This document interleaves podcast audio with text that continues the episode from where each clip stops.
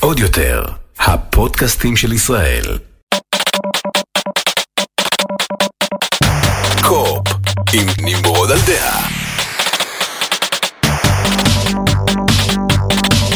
שלום חבר'ה, ברוכים הבאים לפרק מספר 60 של קו-אופ, פודקאסט הגיימינג והטכנולוגיה של טופ גיק. ועוד יותר לפני שנתחיל, תודה לנותנת החסות שלנו לפרק הזה, American Express עם כרטיס American Express פלטינה, עוד פרטים על זה בהמשך, אבל בואו נתחיל עם מה שאני מרגיש שזאת החדשה הגדולה של השבוע, לדעתי, וזה האישור הסופי סוף סוף של סוני על שירות העלק Game Pass שלהם, שהם הודיעו אה, שיש לי קצת בעיה עם איך שהם קוראים לו, אבל אנחנו עוד נגיע לעניין הזה, אבל אה, הם הכריזו באופן רשמי סוף סוף על הבלוג שלהם All new PlayStation Plus launches in June with 700 plus games and more value than ever.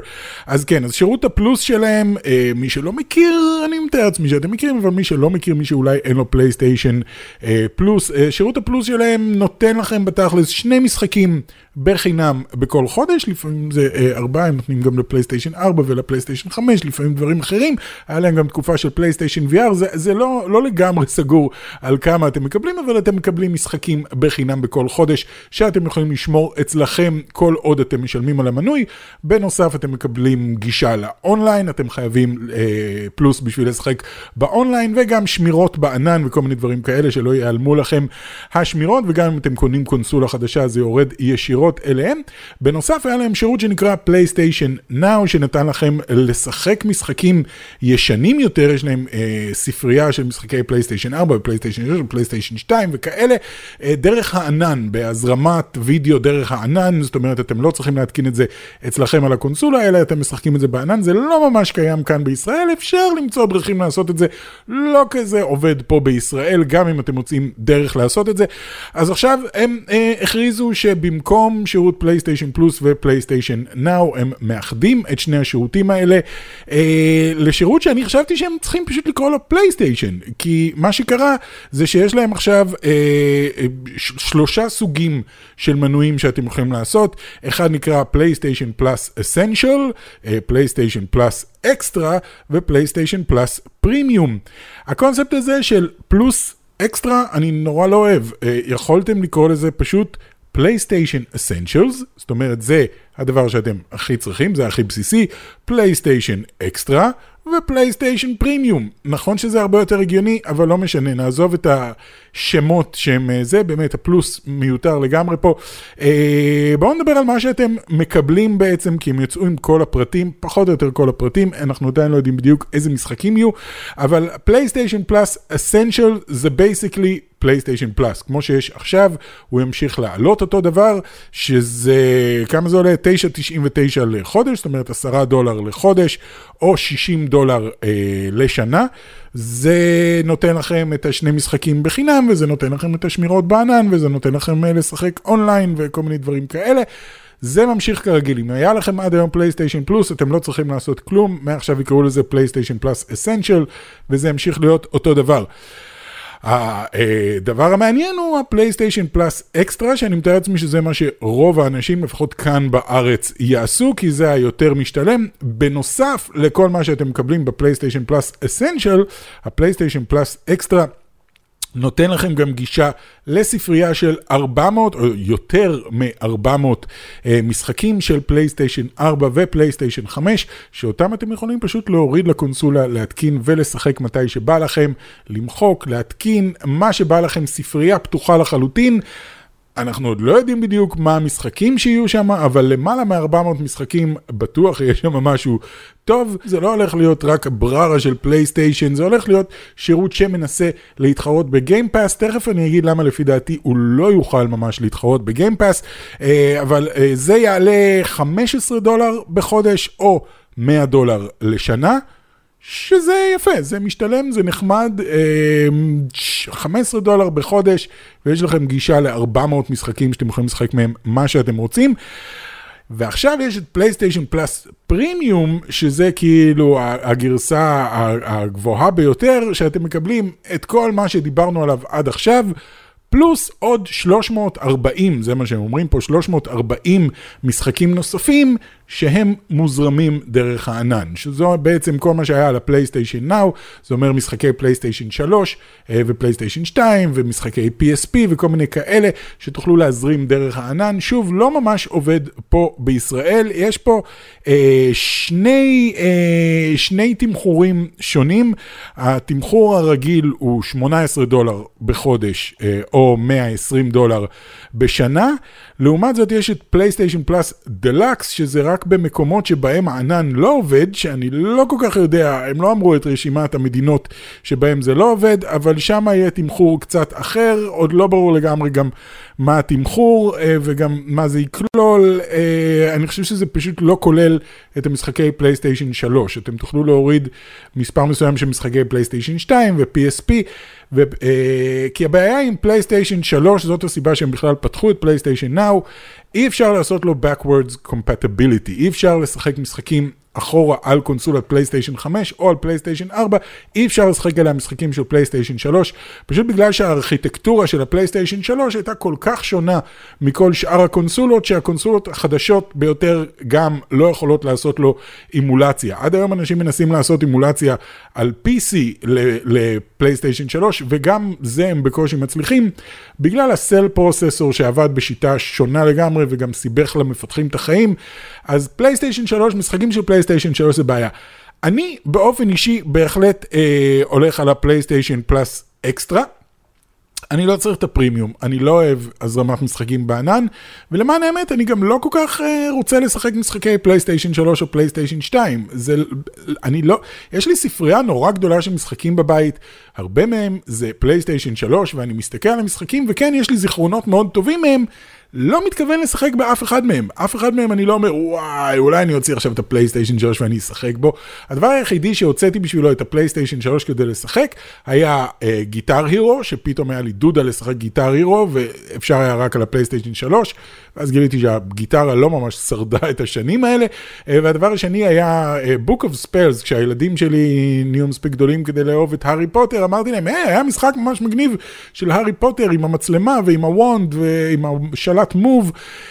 אה, הצלחנו איכשהו לגרום לזה לעבוד, אז הם שיחקו בזה עשר דקות וזהו. אין לי כוונה לחזור חזרה לפלייסטיישן 3, מה שכן יש לי כוונה זה להסתכל על ספרייה של למעלה מ-400 משחקים ולהגיד, היי, זה משחק של פלייסטיישן 4 שלא שיחקתי, או זה משחק של פלייסטיישן 5 שלא יצא לי אה, לשחק בו, אני רוצה, בוא נוריד, בוא נשחק. איזה כיף, uh, כי זה משהו שהוא מאוד מאוד נחמד בגיימפאס. הסיבה שאני אומר שהשירות הזה לא לא נותן תשובה אמיתית לגיימפאס, היא בגלל כל העניין של המשחקים day one.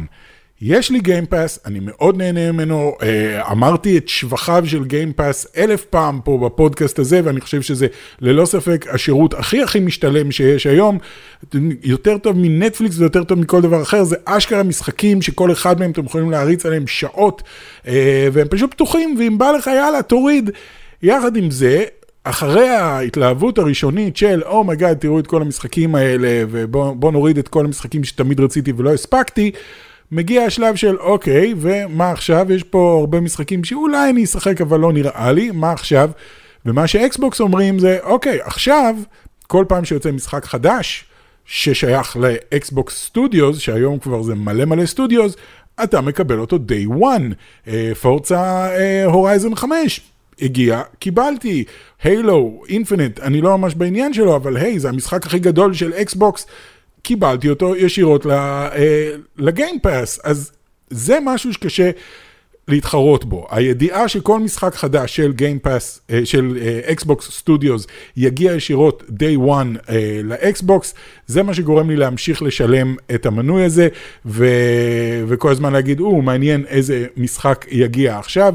כמו כל מיני משחקים כמו The Gunk, ש... שבחיים לא הייתי קונה, אבל וואלה, הורדתי, נהניתי, היה נחמד, זה שווה.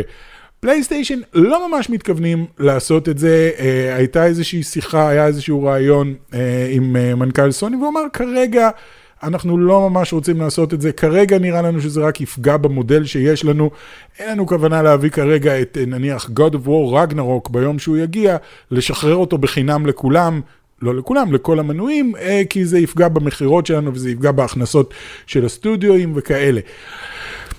וזה בעיה, זה קצת, אה, זה קצת מאכזב, ואני חושב שלא תהיה להם ברירה, ובשלב מסוים הם כן יצטרכו להביא את המשחקים הכי חדשים לשירות הזה, כי זה ישתלם להם, זה פשוט ישתלם להם, ואני חושב שהם יתחילו להבין את זה ברגע שהם יראו אה, איך, כמה כסף אקסבוקס עושים מכל העניין הזה של להוציא אקסקלוסיבים day one, כי ברגע שאנשים ישמעו, לא, חבר'ה, לא יעזור כלום, לסוני כרגע יש את המשחקים האקסקלוסיביים היותר טובים בפער כאילו ענקי, ואם אני יודע שהמשחקים האקסקלוסיביים האלה מגיעים למנוי הזה day one בחינם, אני ארשם למנוי הזה, ועוד המון המון אנשים יירשמו למנוי הזה, וישלמו 100 דולר בכל שנה כדי לקבל את המשחקים האלה, כי משחק אחד עולה 60 דולר. אז לי משתלם בתור קונסיומר, uh, uh, בתור צרכן, משתלם לי לשלם 100 דולר בכל שנה כדי לקבל כמה משחקים אקסקלוסיביים של סוני בחינם, וסוני לעומת זאת מקבלים, בוא נחשוב, 100 דולר uh,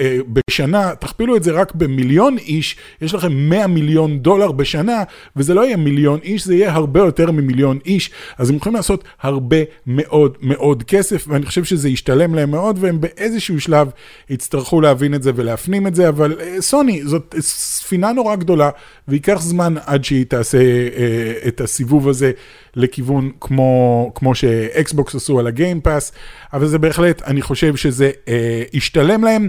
ורגע לפני שאנחנו ממשיכים בפודקאסט, בואו נגיד תודה לנותנת החסות שלנו, אמריקן אקספרס, שמשווקת את כרטיס האשראי אמריקן אקספרס פלטינה, שפותח לכם שער לעולם של חוויות משודרגות. אני מכיר אתכם, אתם אוהבים לנסוע לחו"ל ולעשות את זה בסטייל, אז הכרטיס אמריקן אקספרס פלטינה מאפשר לכם כניסה למאות טרקליני VIP ברחבי העולם, וגם חברות במגוון תוכניות אירוח בינלאומיות במלונות כמו הילטון, רדיסון, מריוט ועוד שירותי קונסיירג' שישדרגו לכם את החופשה ככה בדיוק כמו שצריך. בכל שימוש בכרטיס תצברו נקודות שתוכלו להפוך להנחות בכל חברות התעופה וגם במגוון מלונות בארץ ובעולם ועוד המון המון הטבות, אירועים וחוויות ייחודיות. המנפיקה פרימיום אקספרס בע"מ ו/או ישראכרט מימון בע"מ, אי עמידה בפירעון ההלוואה או האשראי עלול לגרור לחיוב בריבית פיגורים והליכי הוצאה לפועל. ועכשיו, בואו נחזור לפודקאסט.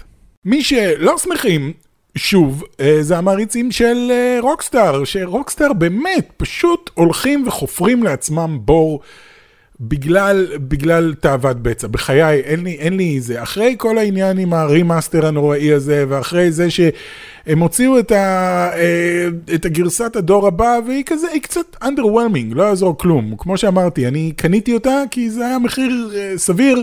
אבל בעוד שלושה חודשים זה כבר לא יהיה מחיר סביר, זה יהיה מחיר אה, כמעט מלא, וזה, ו, וזה גרסה כזאת של אוקיי, זה נראה קצת יותר טוב, כן, מעבר לזה אין לזה שום דבר. אז אנשים נורא מאוכזבים מרוקסטאר, ועכשיו הם מצאו את הזמן אה, לבוא ולהכריז, היי, חבר'ה, GTA Plus, ייי, נכון שאתם שמחים שאנחנו עושים עכשיו גם כן subscription ל-GTA אונליין, שאתם יכולים לשלם כל חודש סכום מסוים כדי לקבל דברים? לא, אף אחד לא שמח, אף אחד לא אוהב את זה, אף אחד לא רצה את זה, אף אחד לא ביקש את זה, ועדיין, בגלל שהם ראו איזושהי אופציה לעשות עוד כסף, אז הם אמרו, יאללה, בואו נעשה מנוי. Uh, המנוי הזה נקרא, כמו שאמרתי, GTA פלוס.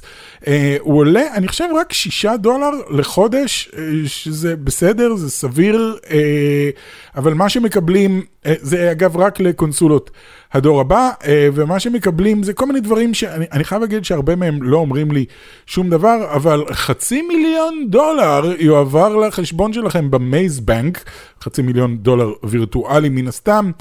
Uh, יש פה כל מיני דברים שבאמת לא אומרים לי כלום. The principal devastate, אה, devastate, הבנתי.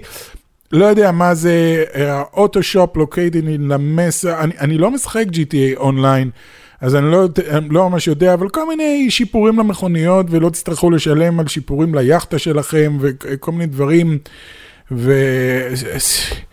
די, אני לא מסוגל כבר, זה נראה כאילו שרוקסטאר מנסים להישאר בכותרות, לא אכפת להם אם זה חיובי או שלילי, כי אני באמת שאני לא מצליח אה, להסביר את ההתנהגות הנורא מוזרה הזאת של רוקסטאר. משהו, משהו, משהו התרסק שם בהנהלה של רוקסטאר, וכל מה שמעניין אותם כרגע זה רק להרוויח כמה שיותר כסף, והם מרוויחים המון כסף, אבל הם רוצים כל הזמן עוד ועוד ועוד. אה, אז הם הכריזו על השירות אה, GTA פלוס הזה. והמעריצים אה, היו מאוד לא שמחים, ובטוויטר הרבה אנשים כתבו שזהו, שפה זה כבר, די, סיימתי עם רוקסטאר, סיימתי עם GTA, תודה, שלום, היה נחמד, לא מעוניין יותר שתשאבו ממני כסף בכל הזדמנות. אה, גם העניין הזה שהאונליין עולה כסף בגרסת הדור הבא, רק לקנות אותו עולה כסף, ואז הם רוצים גם שתשלם מנוי בכל חודש, חלאס, חלאס, המשחק כבר בן תשע שנים, די, רדו ממנו, תנו לנו משהו חדש וטוב. ובינתיים אני ממשיך לשחק Red Dead Redemption 2 וכל הזמן מתמוגג מכמה שהמשחק הזה טוב. נראה שזה השירת הברבור של רוקסטאר, זה הדבר האחרון הטוב שהם עשו, והם עשו אותו ממש ממש ממש טוב. אז אין לי הרבה מה להגיד על העניין הזה, חוץ מזה שאני מתאר לעצמי שגם לכם קצת נמאס לשמוע על GTA ועל אה, על GTA בצורה כל כך שלילית כל הזמן. אמ, אז אנחנו פשוט נעבור. הלאה, אה, עוד חדשות, קצת, אה, לצערי, קצת לא טובות, זלדה. החדש, The Legend of Zelda Breath of the Wild 2, למרות שלא קוראים לו עדיין Breath of the Wild 2, אין לו עדיין שם, הם רק קוראים לו המשחק הבא בסדרת Legend of Zelda Breath of the Wild, נדחה, נדחה לאביב 2023, בקיצור עוד שנה, הוא, הוא היה אמור לצאת השנה, הם אמרו שהם ינסו להוציא אותו בשנת 2022, אבל uh, אתמול uh, יצא סרטון של, אה, של נינטנדו, סרטון נורא יפני, רק היפנים מוציאים את הסרטונים האלה. הם, הם יודעים לקחת אחריות על, ה, על אני לא אקרא לזה טעות ואני לא אקרא לזה פשלה, כי זה לא, זאת החלטה אסטרטגית להעביר את זה שנה קדימה, כדי שהם יוכלו להספיק לעבוד על המשחק הזה כמו שצריך, כדי שתקבלו עוד פעם משחק ממש ממש טוב, אבל עדיין הם עומדים מאחורי הפשלות שלהם, אני עושה במרכאות, ועומד בן אדם מול המצלמה בלי טררם, עומד, אומר שלום רב, אה, אני, אני יודע שאמרנו שזלדה יגיע ב-2022, אבל אה, לצערנו החלטנו לדחות אותו לאביב 2023, ועל כך אנו מבקשים סליחה. ואז הוא משתחווה לקהל הווירטואלי שעומד מולו, ואז הם עוברים הלאה והוא קצת אה, מספר על תהליך הפיתוח ועל זה שהם רוצים שהמשחק הזה יהיה המשחק הכי טוב שרק אפשר, ואני מסכים. וחבר'ה, חיכינו אה, הרבה שנים לזלדה Breath of the Wild הבא. נחכה עוד שנה, זה קרה עם עוד כל מיני משחקים שבסופו של דבר יצאו ממש ממש טובים, זה גם קרה עם כל מיני משחקים שבסופו של דבר יצאו נוראים, כמו סייבר פאנק 2077 וכל מיני כאלה, אבל בדרך כלל חברים, דחייה של משחק, בעיקר דחייה של שנה שלמה, זה בדרך כלל דבר טוב. זה אומר שהמשחק יצא אפוי כמו שצריך. כנראה שהם מסתכלים עליו עכשיו ואומרים, וואלה, זה לא מוצר שאנחנו רוצים להוציא. נינטנדו מאוד מאוד אוהבים להוציא מוצרים טובים, ולא מוצרים שאומרים, אה, הם הריצו את זה לשוק כמה שיותר מהר. הם עובדים כמו שצריך ולוקחים את הזמן. אז כל מי שחיכה ל-Legend of Zelda, Breath of the Wild 2, או איך שלא יקראו לזה, אה, תצטרכו לחכות עוד, עוד שנה שלמה. אבל לפחות תקבלו משחק טוב. אה, בואו נדבר רגע, כי הרבה אנשים שואלים אותי, ואני בטוח שגם בצ'אט שאלו הרבה, זה, כל הזמן נכנסים, פרשתם, פרשתם, לא פרשתם מטופ גיק, למה, למה אתה פה? חשבתי שפרשתם. אנחנו פרשנו, לא, לא עולים יותר תכנים חדשים לטופ גיק, טופ גיק אה, די נגמר, ומה שנשאר זה הפודקאסט הזה, שאני פשוט נורא נורא אוהב לדבר על גיימינג, ואני נורא אוהב להתעניין בגיימינג ובטכנולוגיה ובמדע ודברים כאלה, ואמרתי, את זה אני אשמח מאוד. פעם בשבוע לשבת למשך חצי שעה ולדבר איתכם, כי אתם, אה, אני נורא אוהב אתכם, אתם קהל נהדר של אנשים אינטליגנטים שאוהבים את מה שאני אוהב. אה, אז אמרתי, נמשיך לעשות את זה. מה אני כן עושה בימים אלה, אה, לא ממש סיפרתי לכם, אבל אה, עברתי לעבוד אה, בחברת רובוטיקה, חברה שנקראת Unlimited Robotics. אני לא מתכנת, אני לא יודע לתכנת, מה שאני יודע לעשות זה ליצור תוכן, אז בתכלס אני מייצר תוכן בשביל חברת הרובוטיקה הזאת, שנקראת Unlimited Robotics, והיא מייצרת, יש לה כמה מוצרים מאוד מגניבים. הראשון שבהם הוא גרי, שיכול להיות שראיתם אותו בחדשות, אם ראיתם בחדשות 13 הייתה כתבה על מלון בתל אביב, מלון דן בתל אביב, שהתחיל אה, להפעיל רובוט שעוזר לחדרניות לסדר את החדר ולסדר את המיטה, והוא מביא מצעים, והוא יכול לעשות אלף ואחת דברים, כל מה שרק תבקשו ממנו. אז גרי זה הרובוט של Unlimited Robotics, שמתחיל עכשיו אה, להופיע בכל מיני מקומות, גם בארץ ובקרוב בעולם, רובוט מגניב לגמרי. יחד עם זה יש להם גם אה, מוצר שנקרא ראיה, שמאפשר למפתחים לפתח אה, תוכנות לגרי וגם לרובוטים אחרים, בלי ידע מוקדם בתכנות רובוטים. אה, בשביל לדעת לתכנת רובוטים אתם צריכים אה, ללמוד סוג קצת אחר של תכנות, כי זה לא סתם לתכנת אפליקציה, זה לתכנת רובוט שנמצא בעולם האמיתי, ויש פיזיקה ויש אנרציה ויש כל מיני דברים כאלה, אז אתה צריך לדעת איך לעשות את זה, והם פיתחו, בעצם זה כמו אנדרואיד. אתם יודעים, אם אתם רוצים לפתח אפליקציה לאנדרואיד, אז אתם לא צריכים לשבת ולהתחיל לכתוב את הקוד, אתם צריכים פשוט לגרור אה, פקודות אה, של קוד, נניח אתם רוצים לפתוח את המצלמה, אז אתם לא צריכים לקודד איך פותחים את המצלמה בטלפון, אלא אתם פשוט גוררים את הפקודה, פתח את המצלמה, ושם נמצא כל הקוד. אז הם עשו משהו מאוד דומה לרובוטים, אה, שאתם יכולים פשוט להגיד, אוקיי, תרים את היד, תשלח אותה קדימה, ואתם לא צריכים לשבת וממש אה, לקודד. אתם עדיין צריכים להבין בפייתון. פייתון וכאלה בשביל לעבוד בזה, אבל זו תוכנה שמפשטת את כל התהליך. בקיצור, חברים, אם אתם רוצים להמשיך לראות תכנים שאני מייצר, עברתי לייצר תכנים באנגלית בשביל חברת Unlimited Robotics, ואתם מוזמנים להיכנס, אה, לחפש ביוטיוב אה, ערוץ שנקרא Imagine Robots, Imagine Robots, אה, אני אשים לכם גם לינק, תיכנסו, כרגע אין שם הרבה סרטונים, אבל אה, רק התחלתי, ואם אתם רוצים, זה סרטונים שדי דומים למה שעשיתי בטופ גיק, אה, עשיתי נניח על ההיסטוריה של הרובוטים, ועשיתי על הרובוטים, עשרת הרובוטים אה, הכי, הכי טובים. ב pop culture, 10 best robots in pop culture, אז אם מעניין אתכם, יש לכם טיפה ידע באנגלית, אתם לא צריכים ידע יותר מדי גדול באנגלית, ואתם רוצים להמשיך לראות את התכנים שאני עושה, אני ממליץ לכם להיכנס לשם, לראות את הסרטונים, לעשות אולי sub כדי לקבל אה, התראה בכל פעם שעולה סרטון, וגם להיכנס, אה, תחפשו Unlimited Robotics, תחפשו גרי הרובוט, אה, קורים שם דברים ממש ממש מגניבים, וזאת חברה מטריפה עם אנשים סופר סופר מגניבים, אז זה מה שאני עושה. לכו, תצפו, תראו, תעשו sub, אה, אתם לא תצטערו. לסיום אמרתי, אין לי היום חדשות טכנולוגיה יותר מדי, אבל ראיתי בפייסבוק איזושהי שאלה שנורא הצחיקה אותי, ובעיקר הצחיק אותי זה שיש לי תשובה לעניין הזה. אז מישהו שאל בצחוק, בכמה פריימים לשנייה, העולם שלנו עובד, אה, בכמה פריימים לשנייה המציאות עובדת, אה, שזאת כמובן לא שאלה שהיא באמת רצינית, אבל מצאתי את עצמי עם תשובה. קודם כל, השאלה היא לא בכמה, ש... בכמה פריימים לשנייה העין שלנו רואה.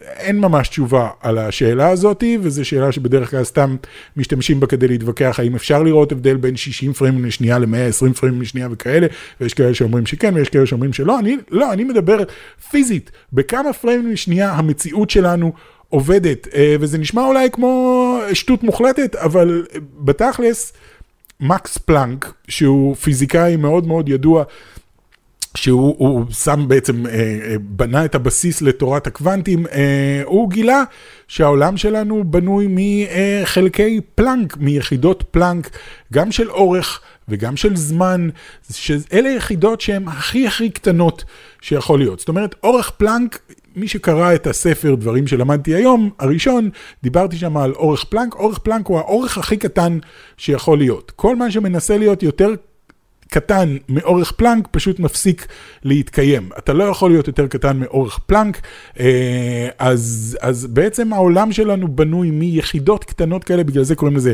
קוונטים, כי קוונטה זה יחידה, ויש גם יחידות זמן של פלנק, יש uh, יחידת פלנק של זמן, אני לא חושב שקוראים לזה שניית פלנק, אבל זה יחידת זמן פלנק שהיא היחידת זמן הכי קטנה שיכולה להיות. זאת אומרת, אם תיקחו שנייה, אתם יכולים לעשות גם חצי שנייה, ואתם יכולים לעשות רבע שנייה ומאית שנייה ואלפית שנייה ומיליונית שנייה, עד שאתם מגיעים בסופו של דבר ליחידת פלנק, ו... פחות זמן מזה כבר לא קיים, זה לא זמן שעובר. אז, אה, אז מבחינתי, אם יש יחידות כאלה, אלה הפריימים שעליהם המציאות עובדת. אז נשאלת כמה פריימים, נשאלת השאלה כמה פריימים לשנייה המציאות שלנו עובדת. אה, אז אם אתם רוצים להרשים את החברים שלכם אה, או את המשפחה שלכם בארוחה הבאה, תגידו להם שהמציאות עובדת ב-10 בחזקת 43. אה, חלקי פלנק לשנייה, שזה אומר, תכתבו את ה-10, את המספר 10 ותעשו אחריו 43 אפסים, וזה מספר הפריימים בשנייה. שהמציאות שלנו עובדת בהם. זהו, אה, סתם, נורא נהניתי לחשוב על זה, כי מישהו שאל את השאלה ואמרתי, אה, אה, נורא מצחיק, ואז חשבתי זה, רגע, רגע, בעצם זה מחולק לחלקי פלנק, אז כן, יש לזה תשובה, אלה הפריימים בשנייה, המציאות שלנו כן עובדת בפריימים לשנייה, אז 43 אה, בחזקת 10 פריימים. לשנייה, זאת התשובה. זהו חברים, אה, מקווה מאוד שנהנתם מהסרטון הזה, ותקשיבו אה, לנו בפודקאסטים, בספוטיפיי, ב iTunes, איפה שאתם רוצים, ואתם יכולים להמשיך לצפות בנו גם בטופ גיק, מקווה מאוד שנהנתם, ואנחנו נתראה בפעם הבאה, ביי ביי. עוד יותר, הפודקאסטים של ישראל.